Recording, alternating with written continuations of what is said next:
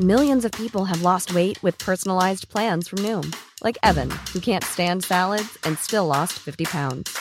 Salads, generally, for most people, are the easy button, right? For me, that wasn't an option. I never really was a salad guy. That's just not who I am. But Noom worked for me. Get your personalized plan today at Noom.com. Real Noom user compensated to provide their story. In four weeks, the typical Noom user can expect to lose one to two pounds per week. Individual results may vary. If you thought the only way to get a more defined jawline with natural looking results was through surgery, think again. Juvederm Volux XC is a non surgical injectable gel filler that improves moderate to severe loss of jawline definition and can help you achieve natural looking results with little downtime. Even better, this improved definition lasts up to one year with optimal treatment. No maintenance required. Improve jawline definition for a smooth, sculpted look with Juvederm Volux XC. For important safety information and to find a licensed specialist, visit juvederm.com. That's J U V E D E R M.com. Not for people with severe allergic reactions, allergies to lidocaine, or the proteins used in Juvederm. Common side effects include injection site redness, swelling, pain, tenderness, firmness, lumps, bumps, bruising, discoloration, or itching. There's a risk of unintentional injection into a blood vessel, which can cause vision abnormalities, blindness, stroke, temporary scabs, or scarring. Talk to a licensed specialist to find out if it's right for you. Hej och välkommen tillbaka till Storytime.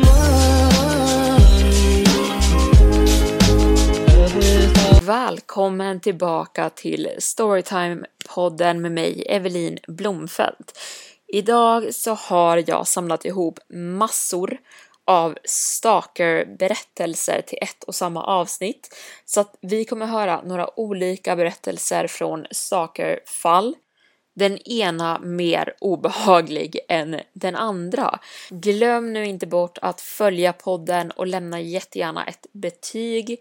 Det betyder väldigt mycket för mig just nu när podden är ny också för att hjälpa mig att växa. Men nu tycker jag att vi sätter igång. Dagens första berättelse heter en främling under sängen. Jag är nu 22 år och den här incidenten hände för ungefär ett och ett halvt år sedan. Jag hade just flyttat in i min första egna lägenhet och jag var fortfarande i processen av att flytta in mina saker. Dörrarna in i de här lägenhetshusen låste sig själva så fort de stängdes. Den här kvällen så skulle jag gå till entrén av byggnaden för att hämta min post medan jag pratade med min pojkvän i telefon. När jag kom in i lägenheten igen satt jag mig på min säng och satt där och öppnade mina brev. Jag satt så en stund tills jag råkade tappa min telefon på golvet bredvid sängen. Telefonen gled så långt in under min säng så jag var tvungen att lägga mig ner på golvet bredvid sängen för att kunna nå den. Men det var då jag såg det. Någonting fångade min blick. Under sängen låg det någon. Mina ögon vidgades och jag hann precis stå emot impulsen av att skrika rakt ut i panik. Personen som låg under min säng såg ut att vara en man som låg med ryggen mot mig och hade dragit upp sina ben mot sin bröstkorg för att göra sig mindre och få plats under sängen. Men därav kunde jag inte heller se hans ansikte. Och som tur var såg inte han mig. Jag hann, som tur var, tänka rationellt. Så jag satt mig upp på sängen igen, varpå jag sa i telefonen Oj, jag råkade tappa min telefon på golvet. Men du, jag ska gå och duscha nu så jag ringer dig när jag är klar. Badrummet låg precis in till sovrummet så jag skyndade mig in där så snabbt jag bara kunde utan att springa. Sen låste jag dörren snabbt efter mig, satt på duschen och ringde 112 så hoppade jag ut ur badrumsfönstret och det var tur att min lägenhet låg på första våningen. Jag sprang sen till andra sidan vägen medan jag började prata med polisen. De sa åt mig att vänta i närheten, utom synhåll, men ändå ha koll om någon skulle gå ut ur min lägenhet medan jag stod där. Det här hände under sommaren så det var fortfarande ljust ute så jag skulle klart och tydligt sett om någon hade gått ut ur min lägenhet. Så jag gick och gömde mig bakom en bil medan jag väntade på att polisen skulle komma. Jag ringde upp min pojkvän och berättade vad som hade hänt och han hann komma precis före polisen kom. När polisen väl kom så gav jag dem mina nycklar och de gick in i min lägenhet. En liten stund efter det kom poliserna ut igen, halvt bärandes på en lång man. Han såg väldigt trött och sliten ut och hans ögon såg galna ut. De var helt uppspärrade och maniska, men han försökte inte ta sig loss. En polis hade hela tiden stannat vid min sida och stod nu och höll om mig medan jag började gråta och skaka av rädsla. Jag fick sen veta att den här mannen hade smugit in i min lägenhet när jag inte hade sett, gömt sig under sängen och då han hade hört att jag gick in i badrummet hade han dragit fram en kniv och stått och väntat på mig utanför badrumsdörren. Och så hade han fortfarande stått när polisen kom in och grep honom. Mannen som hade tänkt skada mig visade sig vara en hemlös person som efter det här blev inspärrad på ett mentalsjukhus. Och min pojkvän flyttade in hos mig dagen efter då jag inte hade lust att bo där ensam mer efter det här hände. Nästa berättelse heter jag låtsades att hon var min dotter. Jag är just nu en universitetsstudent och på tisdagskvällar kommer jag hem väldigt sent från min skola. Inte så sent så att mina föräldrar vill ringa polisen när jag inte kommer hem, men sent nog för att missa det normala busschemat. Men just den här tisdagskvällen lyckades jag ta sista bussen som gick mot mig. Och vanligtvis brukar det inte vara några större bekymmer än så. Om du håller dig för dig själv eller håller dig nära de normala människorna, andra universitetsstudenter, mammor med barn, busschaufförerna och så vidare, så brukar allting gå bra. Efter att ha växt upp i ett väldigt farligt land, sen emigrerat till en mycket säkrare så satt fortfarande de här rutinerna inrotade i mig. Men just den här natten så hade jag bara dåliga vibes. Jag kände att någonting i luften bara var off. Men jag visste inte vad eller varför jag kände så som jag gjorde. Jag kände mig bara lite orolig. Bussen kom till huvudstoppet som var vårt större shoppingcenter i den här staden. Och när den väl stannade där så lät busschauffören oss alla veta att resten av resan hade blivit inställd och att bussarna nu hade slutat gå för natten. Tack så mycket för det, douchebag busschaufför. Nå, vad fan. Nu var det mörkt ute. Det var sent. Jag kan inte köra och mina föräldrar kunde inte hämta mig. De var på yoga. Jag hade inte heller råd att ta en taxi hem.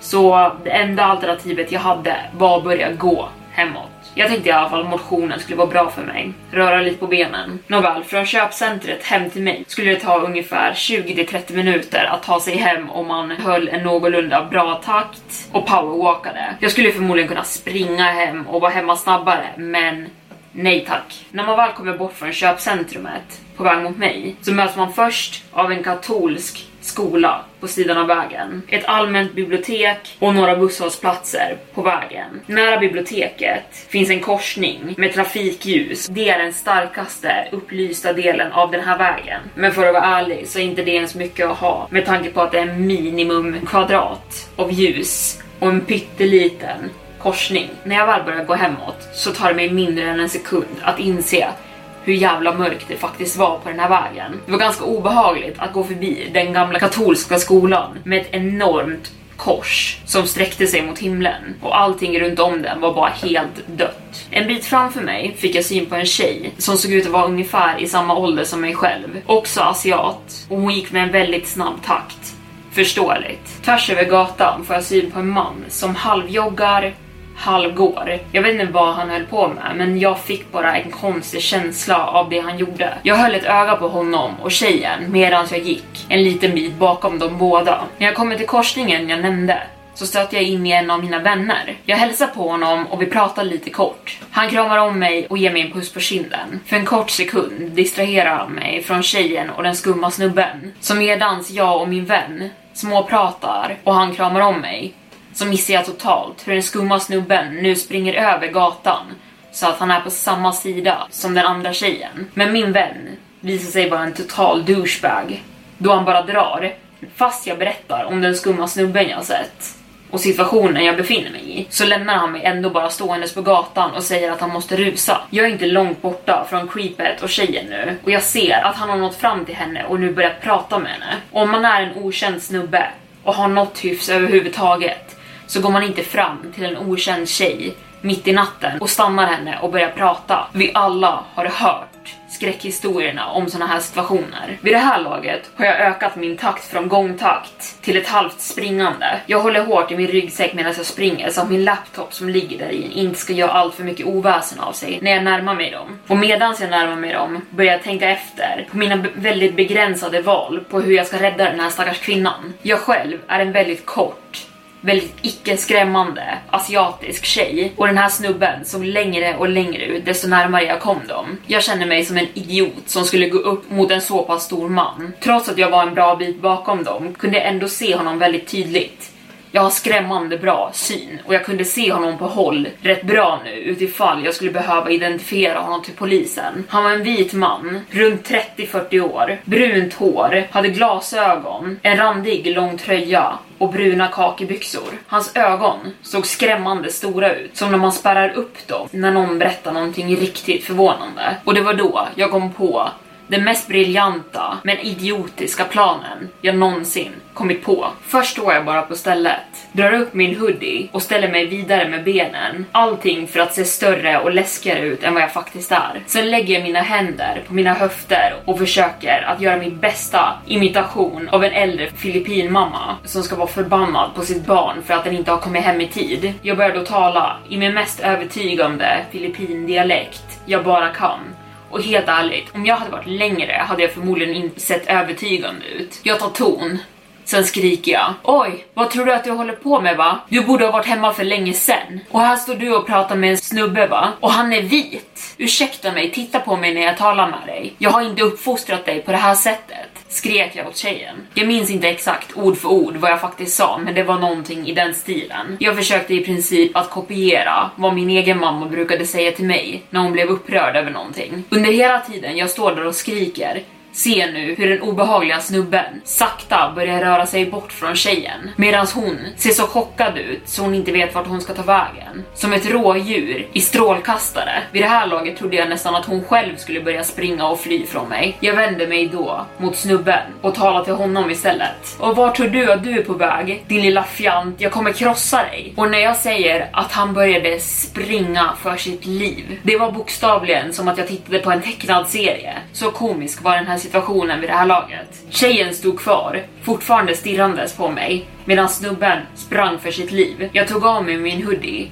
och vinkade snällt åt henne. Jag stod fortfarande en bra bit bort från henne och jag ropade till henne och frågade om hon var okej. Okay i min vanliga dialekt, inte i min filippinska röst. Hon fortsatte bara stirra på mig, hon fattade ingenting. Jag bad om ursäkt och förklarade situationen. Jag sa att jag bad om ursäkt om jag skrämde henne, men jag var tvungen att få bort den där snubben från henne då jag hade sett att han följde efter henne en bra bit nu. Och speciellt eftersom min syrra hade berättat för någon vecka sedan om en läskig snubbe som följde efter folk just i det här området och lurade in dem i hans bil. Hennes chock verkade släppa något efter det här och hon förstod. Vi kramades och hon började tacka mig så enormt mycket. Jag fick reda på att hon inte bodde alls långt bort från mig själv och hon förklarade hur hon inte ens hade förstått vad som hände förrän det var för sent och hon inte kunde ta sig iväg från den läskiga snubben. Det var därför hon hade blivit så chockad när jag började skrika. Och efter det här hände har hon och jag bokstavligen blivit bästa vänner. Efter det här gick jag med henne ända hem till vart hon bodde, var på hennes äldre bror skjutsade hem mig till mitt hem. Vi ringde polisen medan vi var på väg hem till henne. När vi återberättade den här händelsen för hennes familj, som också var filippinska på riktigt, så bannade de båda oss för att någonsin ta den här bussen igen. Jag tvekade för att berätta för mina vänner vad som hände den här natten för jag tänkte att de skulle skratta åt mig. Men det här var ju en seriös sak.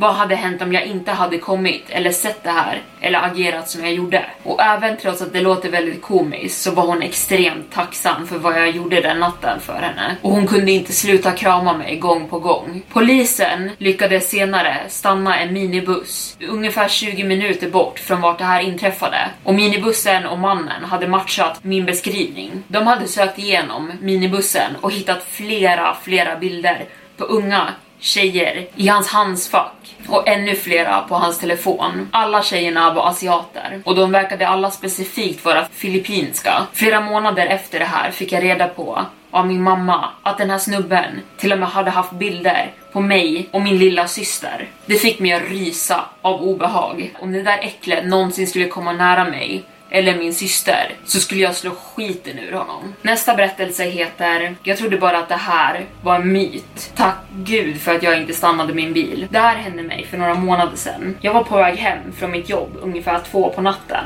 Jag jobbar som en sjuksköterska och jag bor i en liten stad. Vägarna här är totalt övergivna den här tiden på natten och det är extremt kallt ute. Jag bor inte särskilt långt alls från mitt jobb, bara några kilometer. Så när jag kör ner för huvudgatan i min hemstad ser jag hur en man ligger med ansiktet neråt i trottoaren. Och kom ihåg, jag är en sjuksköterska så att jag ser folk ramla dag in och dag ut. Så min första tanke var härligt, nu måste jag stanna och hjälpa den här mannen upp. Som sagt, jag kom just från ett långt skift. När jag saktar ner bilen inser jag ganska fort vilket idiot-move det här var. Jag är en ensam, liten kvinna utan några vapen alls i min bil. Men jag tänkte ändå att jag måste göra någonting för att hjälpa den här mannen. Så jag ringde 112 medan jag sakta passerade mannen som låg kvar på gatan. En liten bit ifrån vart mannen låg så var det ett rödljus som jag nu stod fast i medan jag pratade med 112. Jag förklarade vart han låg och att han såg ut att behöva hjälp. Men helt plötsligt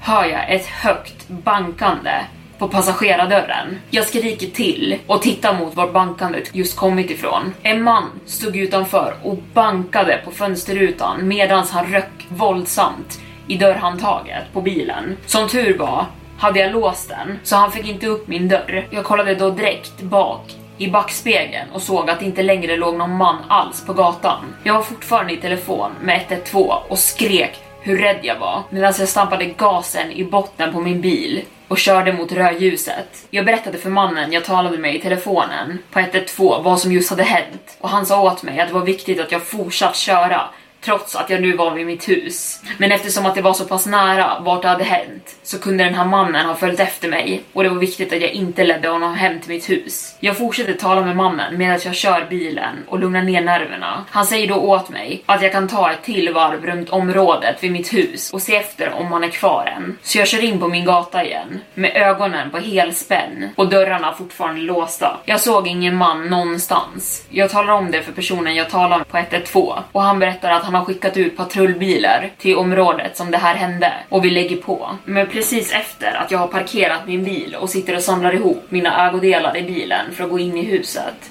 så får jag syn på mannen igen. Han gick nu tillsammans med två andra män nerför gatan och jag hukade mig ner snabbt i bilen för att inte synas. Jag satt kvar så en bra stund tills de hade försvunnit längs ner gatan. Då slängde jag mig ur bilen, sprang in i huset och låste dörrarna. Jag vet inte vad hans intentioner var, men det skrämmer mig ordentligt att han inte heller var ensam. Så det jag kan säga är lås alltid dina bildörrar och ha med dig en pepparspray. Nästa berättelse heter Min mamma brukade städa hus, men hon slutade efter det här. Under 80-talet var min mamma en hushållerska i Australien. Hon brukade städa hus i villaförorterna, men om hon fick jobb brukade hon även ibland vara på de mer ödsliga herrgårdarna och städa. Vi bodde ganska nära båda de här områdena, så det var lite vilket som. Hon brukade lämna sitt business card hemma hos dem hon hade städat hos och det var så hon fick nya kunder. Eller så spred sig ordet från mun till mun om hur duktig hon var. En dag fick min mamma ett samtal från en äldre dam som lät som att hon var ungefär runt 60 år någonting. Och hon frågade om min mamma kunde komma och städa hennes farmhus. Hon bad om väldigt specifika, konstiga saker, vilket min mamma redan tyckte var skumt. Och varje gång min mamma träffade en ny kund som hon skulle städa hos brukade hon gilla att träffa dem öga mot öga först. Men i det här fallet så ville inte damen träffa min mamma först, utan sa att hon skulle lämna nycklarna till huset utanför dörrmattan vid ytterdörren. Mamma gick med på det här,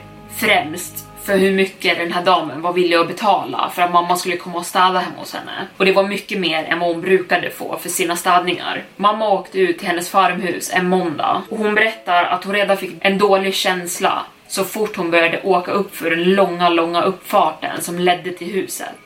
Huset låg i princip i mitten av en stor, stor tomt som var ödsligt tom. Men hon hittade nycklarna där damen hade sagt att de skulle ligga, klev in och satte igång med sin städning. Ungefär en timme in i städningen så hör hon hur bakdörren öppnas och stängs. Mamma hade blivit informerad att ingen skulle vara i det här huset under tiden hon städade, så hon kände sig direkt osäker. Hon stod som fastfrusen på stället i köket där hon befann sig i vad som kändes som fem minuter, om det inte var längre. Hon beskrev det som en evighet. Hon tittade ut genom fönstret, men det fanns ingen annan bil på tomten förutom hennes. Hon ville åka därifrån, där och då. Men hon hade bara två rum kvar att städa så hon beslutade sig för att hon lika gärna kunde göra klart jobbet. Båda rummen som var kvar var två sovrum och hon sa att hon hörde inga fler ljud desto mer tiden passerade.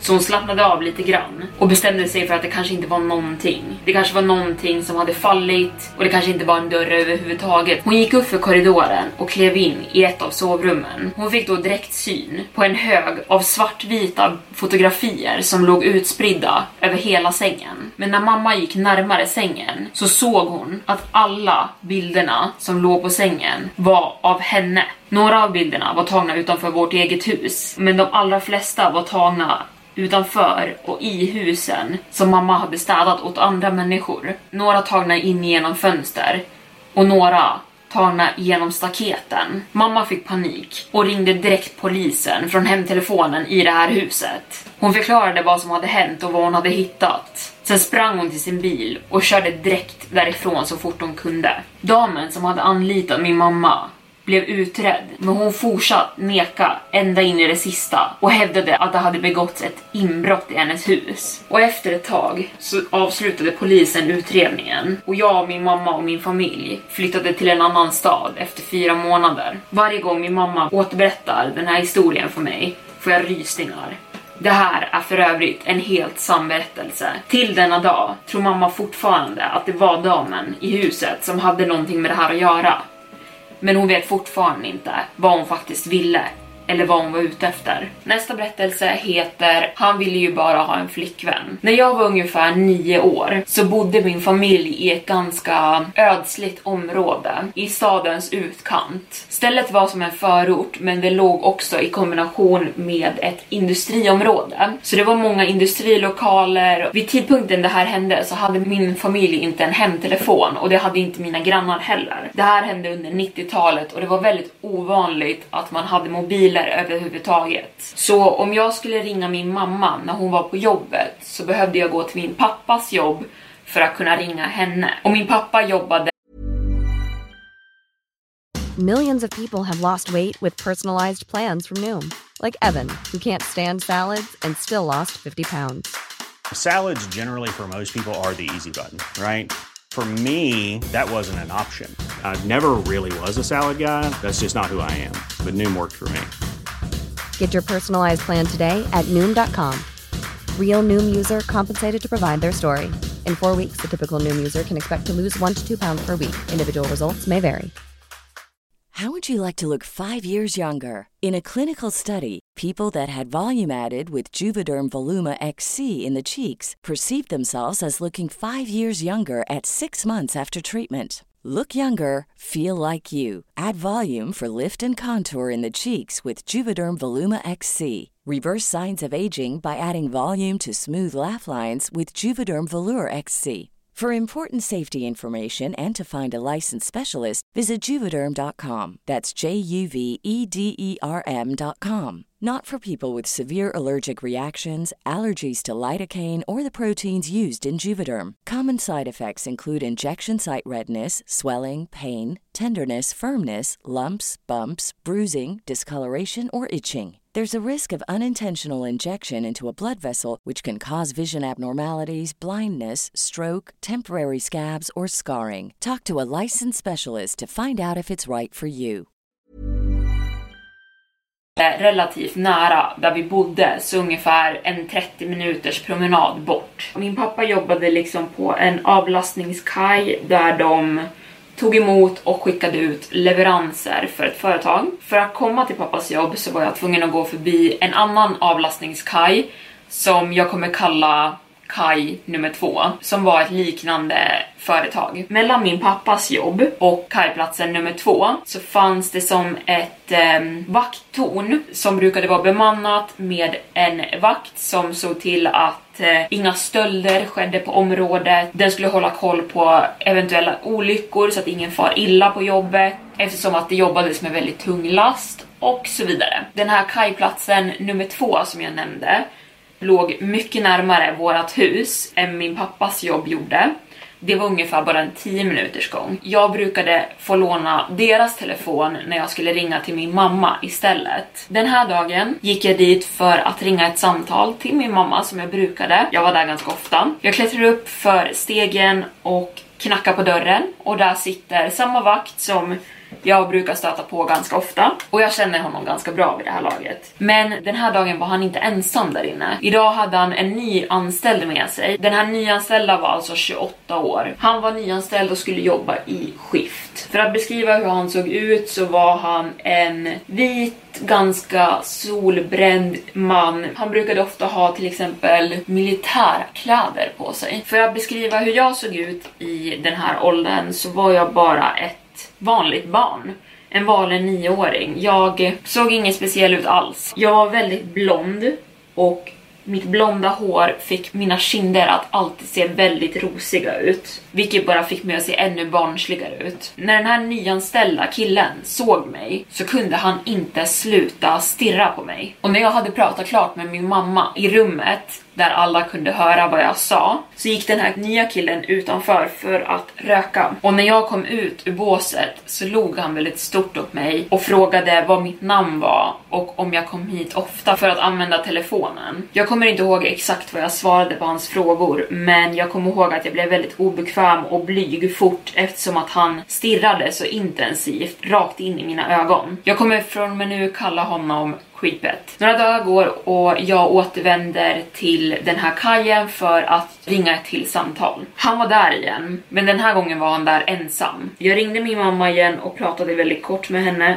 och eh, när jag väl var klar i telefonen och skulle gå därifrån så frågade han om jag ville ha te. Jag tackade nej och skulle just gå. När jag tackade nej så fortsatte han att fråga om hur min skola gick. Han sa också att han kunde hjälpa mig med läxor när som helst. Och jag sa tack men eh, jag fixar nog det. Liksom. Harmlöst men väldigt konstigt. En annan grej jag vill nämna är att jag alltid kände ett visst obehag när jag var nära honom. Det var någonting med sättet han tittade på mig. Han såg nästan full ut fast han inte var det. Men det var någonting i hans blick som bara gav mig kalla kårar. Han brukade alltid också råna så fort han pratade med mig. En tid gick och eh, jag stötte på honom igen. Den gången var jag på väg mot min pappas jobb med en kompis. Han stod vid lastkajen och höll på och skyffla någonting och när han fick syn på mig så slutade han arbeta lutade sig mot sin spade och bara stirrade på mig när jag gick förbi. Han sa inte hej eller någonting sånt. Efter de här mötena så började jag undvika att gå den här vägen förbi kaj nummer två så jag brukade alltid ta andra vägar när jag skulle till min pappas jobb. Och jag undvek nu att ringa min mamma från kaj nummer två eftersom att han började skrämma mig ordentligt nu. Men en dag var jag tvungen att ringa min mamma för det var lite akut. Telefonen på min pappas jobb hade slutat fungera så jag var tvungen att gå till, till kaj 2. Jag hoppades verkligen att han inte skulle vara där just nu. Men när jag kom dit så fick jag direkt syn på honom. Och om han var glad att se mig. Han började klaga på hur jag aldrig mer kom förbi för att träffa träffa honom. Och medans jag ringde min mamma så tog han tag i en stol och satt den precis bredvid mig och satt där bara och stirrade på mig. Telefonsamtalet tog en stund eftersom min mamma var väldigt upptagen på jobbet och hon skulle gå och hämta någonting medan jag var kvar i telefonen. Det kändes som jag satt där i timmar medan creepet bara satt där och glodde på mig Medan han log brett. När min mamma äntligen kom tillbaka till telefonen så gick han iväg för att göra te och när mitt telefonsamtal var över så insisterade han att jag skulle dricka te med honom den här gången. Jag tackade igen nej och han fortsatte försöka hålla en konversation så att jag skulle stanna. Men någonting i hans ton var annorlunda den här gången. Han frågade då hur gammal jag var exakt.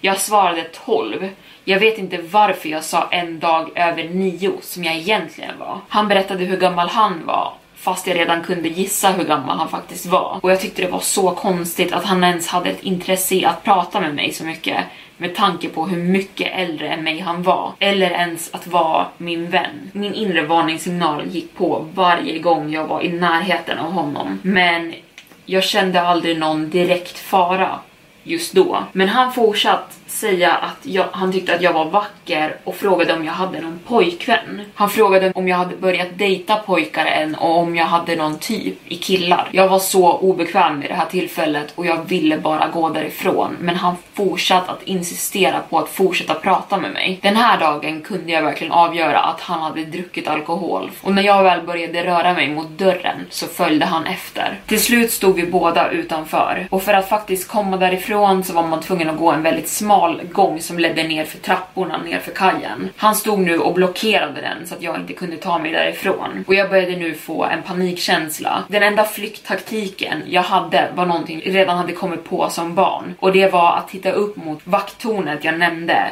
och låtsas som att någon stod och tittade ner mot mig. Så jag började nu vinka mot vakttornet och medan så sa jag åh, bara ah, där står min farbror. Han står och vinkar mot mig medan jag menande tittade upp mot vakttornet. Creepet tittade mot hållet men verkade inte bry sig ett dugg. Jag fortsatte att prata om hur min farbror var en väldigt stor argsint man och om inte jag kliver ner med detsamma så kommer han komma hit och vi båda kommer hamna i knipa. Creepet brydde sig fortfarande inte ett dugg. Han kom nu närmre och pressade mig mot relingen. Han fortsatte ställa konstiga frågor och gjorde mig mer och mer obekväm. Jag kunde nu inte röra mig en centimeter för att jag ville inte att min kropp skulle råka röra i hans. Så jag bara stod där helt stelfrusen och visste inte vad jag skulle göra. Han frågade om jag skulle vilja dejta honom och att han letade efter en flickvän. Och precis i den stunden hörde vi hur någon kom upp för trappstegen mot kajen och han backade instinktivt direkt. Men han bad mig komma tillbaka. Tills nu hade jag inte berättat för någon om vad som hade hänt med den här mannen. Delvis för att jag visste att mina föräldrar skulle bli väldigt arga och för att jag nästan skämdes över hela situationen och kände mig lite skamsen över att det här ens hade hänt. Ett tag senare så var jag hemma och klockan var ungefär runt nio jag kommer ihåg att det här var vad klockan var eftersom att det var läggdags för mig. Helt plötsligt ser jag en bil komma körandes in på våran uppfart och jag kan tydligt se den från vårt vardagsrumsfönster. Det är alltså Creepet med hans kompisar som spelar musik jättehögt. Jag hade ingen aning om hur han ens visste vart jag bodde, men han måste ha förföljt mig hem någon dag. Min pappa blev förbannad och han frågade om jag visste vilka de här människorna var. Innan jag ens hann svara så sprang han ut och fram till bilen. Tydligen hade Creepet frågat min pappa efter mig och också frågat om jag kunde följa med ut med honom och hans vänner. Min pappa blev såklart förbannad. Jag var ett barn. Han sa direkt att jag var alldeles för ung för att ens umgås med dem eller ens lämna huset så här sent på kvällen. Och om man någonsin skulle se någon av dem här igen så skulle han slå skiten ur dem. Så det slutade med att de körde iväg och jag blev lite irriterad över att min pappa hade skrikit att jag var ett barn framför dem. Ett bra tag efter det här hände hade jag nästan glömt bort honom helt när jag var på väg mot min pappas jobb igen och ser att han jobbar på kaj nummer två igen. Han är med två av sina vänner ser det ut som. Eller om det var hans kollegor, jag är inte säker på vilka det var. Jag blev rädd så fort jag såg honom och han skrek direkt hej. Jag låtsades som att jag inte visste vem han var och fortsatte gå. Han vände sig då om mot en av killarna han stod med och sa någonting och jag kommer ihåg hur den här personen högt skrek hon, jag antar att han hade berättat om sitt intresse i mig, men jag tror inte de här personerna hade förväntat sig att jag skulle vara ett barn. Jag tittade mot personen som just hade sagt det. Han måste ha varit runt 20-25 år ungefär. Och Creepet sa någonting mer till honom varpå han utbrast Har du förlorat förståndet? Uppenbarligen så såg inte Creepet mig som ett barn som alla andra gjorde. Ett bra tag senare igen ungefär ett halvår efter det här så var jag ensam hemma och väntade på att mina föräldrar skulle komma hem från jobbet. Vi bodde i ett väldigt tryggt område ändå och det var säkert för mig att vara ensam hemma en liten stund medan jag väntade på att de skulle komma hem. Jag stod och lekte för mig själv att jag var en artist som uppträdde och jag hade satt upp stolar som liksom skulle vara min publik. Det var kolsvart ute och jag kunde inte se ut ur vardagsrumsfönstret. Men precis medan jag står där och uppträder så ser jag fort hur någon står och iakttar mig utan utanför fönstren. Personen måste ha stått och hukat sig ner precis framför fönstret för jag kunde inte se dem alls först och sekunden jag såg dem började den springa iväg. Jag skämdes så mycket där och då över att någon hade ens stått och tittat på mitt uppträdande i vardagsrummet. Det kändes som jag hade frusit fast på stället för jag vet inte om det där var han eller om det var någon annan. För att ens kunna komma in på våran gård så måste man klättra över ett stort trästaket. Ett tag gick och jag besökte kaj nummer två tillsammans med min pappa. Då var den gamla vakten där och jag frågade honom kort om vart creepet hade tagit vägen. Och han berättade då att den här personen hade slutat där. Jag berättade aldrig för mina föräldrar om den här mannen, men jag hoppas att jag aldrig behöver stöta på honom igen. Nästa berättelse heter Knackningarna på fönstret. Det här hände för bara några månader sedan, när karantänen just hade satt igång. Så med det sagt så spenderade jag väldigt mycket tid hemma och runt mitt hem. Det finns en park väldigt nära mitt hem, så en helt vanlig dag så bestämde jag mig för att ta en joggingtur. Eftersom att jag före det här inte brukade utföra särskilt mycket cardio så blev jag väldigt fort andfådd och bestämde mig för att ta en liten paus. Medan jag hade pausat så märkte jag att en man stod och kollade åt mitt håll. Jag tänkte inte jättemycket mer på det just där och då, för sen när jag började jogga igen och märkte att han nu också började jogga. Till slut saktade han ner sin fart och började istället gå och eftersom att jag fortsatt jogga så sprang jag till slut ifrån honom. Och jag trodde det var det, men jag hade fel. Det har nu gått flera timmar och jag ligger och sover. Men jag vaknar till av att jag hör att en bil kör fram och tillbaka på gatan och jag märker hur strålkastarna lyser in genom mitt fönster. Någon annan skulle säkert uppfatta det här som totalt normalt, men jag bodde på en väldigt lugn gata och blev genast nyfiken vem det var som körde fram och tillbaka mitt i natten. Så jag reste mig upp för jag ville se vad som för sig gick där utanför. Precis som jag trodde så var det en bil där ute som körde väldigt sakta fram och tillbaka på gatan. Och helt plötsligt så stannar den precis framför mitt hus. Helt plötsligt kliver en man ut ur passagerarsätet, vilket betyder att de måste ha varit minst två personer i bilen. Tills den här tidpunkten hade jag varit väldigt trött och bara halvkollat